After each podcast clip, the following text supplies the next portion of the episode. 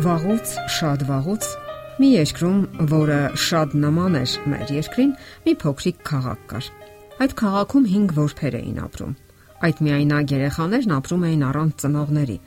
Սակայն նրանք շատ միաբան էին եւ ամեն ինչ անում էին իրենց ապրուստը վաստակելու եւ ապրելու համար։ Եվ ահա մի անգամ նրանց դժբախտության մասին իմացավ այդ երկրի արքան եւ որոշեց նրանց իր մոտ վերցնել, որpիսի ավելի բարեկեցիկ կյանքով ապրեն։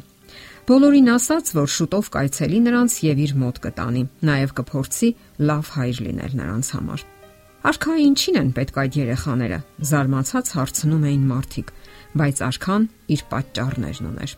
Գյուղում ապրող մարդիկ խորհուրդներ էին տալիս երեխաներին։ Ասում էին, որ նրանք պետք է լավ տպավորություն թողնեն արքայի վրա, եթե ցանկանում են, որ նա իր մոտ վերցնի իրենց, եւ ավելացնում էին. միայն նրանք կարող են ապրել պալատում, ովքեր ինչ որ տաղանդ ունեն։ Իմանալով այդ մասին, երեխաները ջանասիրաբար ինչ որ աշխատանքներ էին կատարում, փորձում նոր արհեստ սովորել։ Նրանք նվերներ էին պատրաստում արքայի համար, որ երբ գա իրենց հետևից, նվիրեն նրան։ Տղաներից մեկը որոշեց փայտից ինչ որ բան ստեղծել եւ իսկապես հիանալի աշխատանք ստացվեց։ Նրա քույրը, որ լավ էր նկարում, որոշեց մի գեղեցիկ կտավ նկարել, որտեղ ամպեր են պատկերված եւ նվիրել արքային։ Իսկ արքան դա կարող է կախել պալատում եւ ամեն անգամ նկարին նայելիս հիշել իրեն։ Մյուս քույրը լավ երգում էր, նաեւ նվագում մանդոլինայի վրա։ Եղբայրներից մեկը ցանկանում էր արքային զարմացնել իր իմաստությամբ եւ այդ պատճառով գրքեր ճարեց եւ ամեն օր վառարանի մոտ մոմի լույսի տակ գրքեր էր կարդում մինչեւ ուշ գիշեր։ Մինչ նրանք այդպես պատրաստվում էին արքային դիմավորելու, նրանց փոքրիկ քույրիկը կարծես խաղաղ էր։ Նա ոչինչ չուներ, որով կարողանա զարմացնել արքային։ Մատները կարծես չէին հնազանդվում իրեն, երբ ձեռքն էր վերցնում վրցինը։ Իսկ երբ փորձում էր երգել, խրպոտ ձայն էր դուրս գալիս։ Նա չկարողացավ անգամ կարդալ սովորել։ Արդյունքում նա ոչ մի տաղանդ չկարողացավ հայտնաբերել իր մեջ։ Եվ ճուներ մի բան, որ կարող էր նվիրել արքային։ Այն ամենը, ինչով նա կարող էր կիսվել, իր բարի սիրտն էր։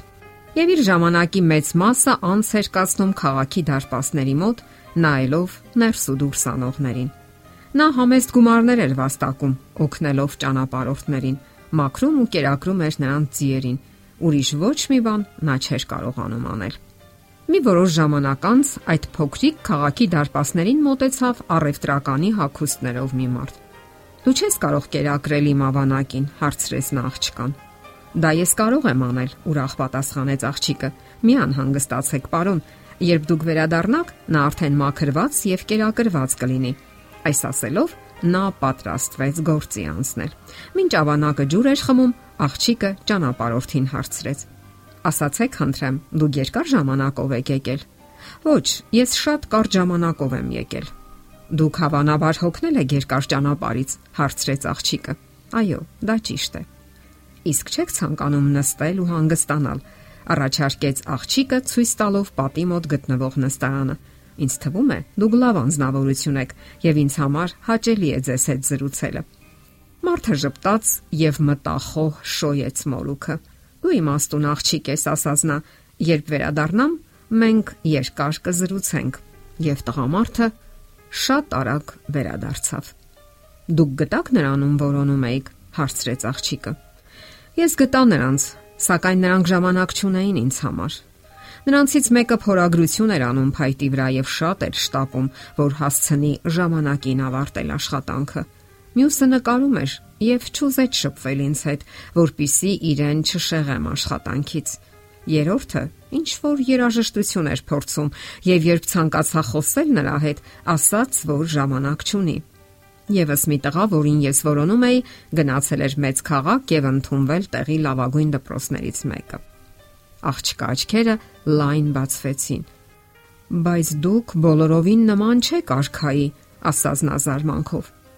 Ես ձգտում եմ սովորական մարդու նմանվել, parzabanես տղամարդը։ Երբեմն ես շատ միայնակ եմ զգում ինձ։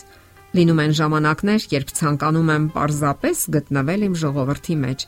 Երբեմն ցանկանում եմ զգալ, որ ես նրանց հայրն եմ։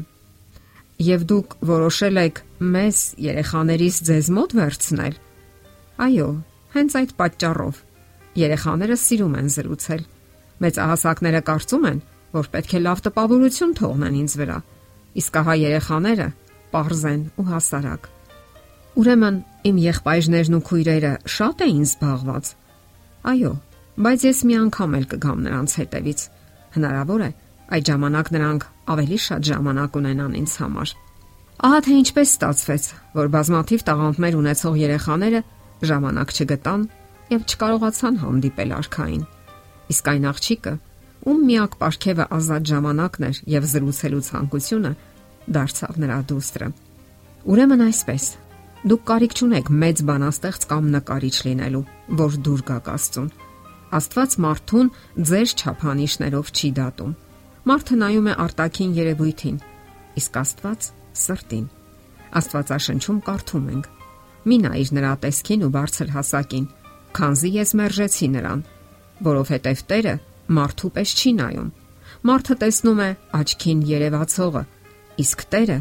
սրտին է նայում։ Եթերում ղողանջ հավերժության հաղորդաշարն է։ Ձեզ հետ է Գեղեցիկ Մարտիրոսյանը։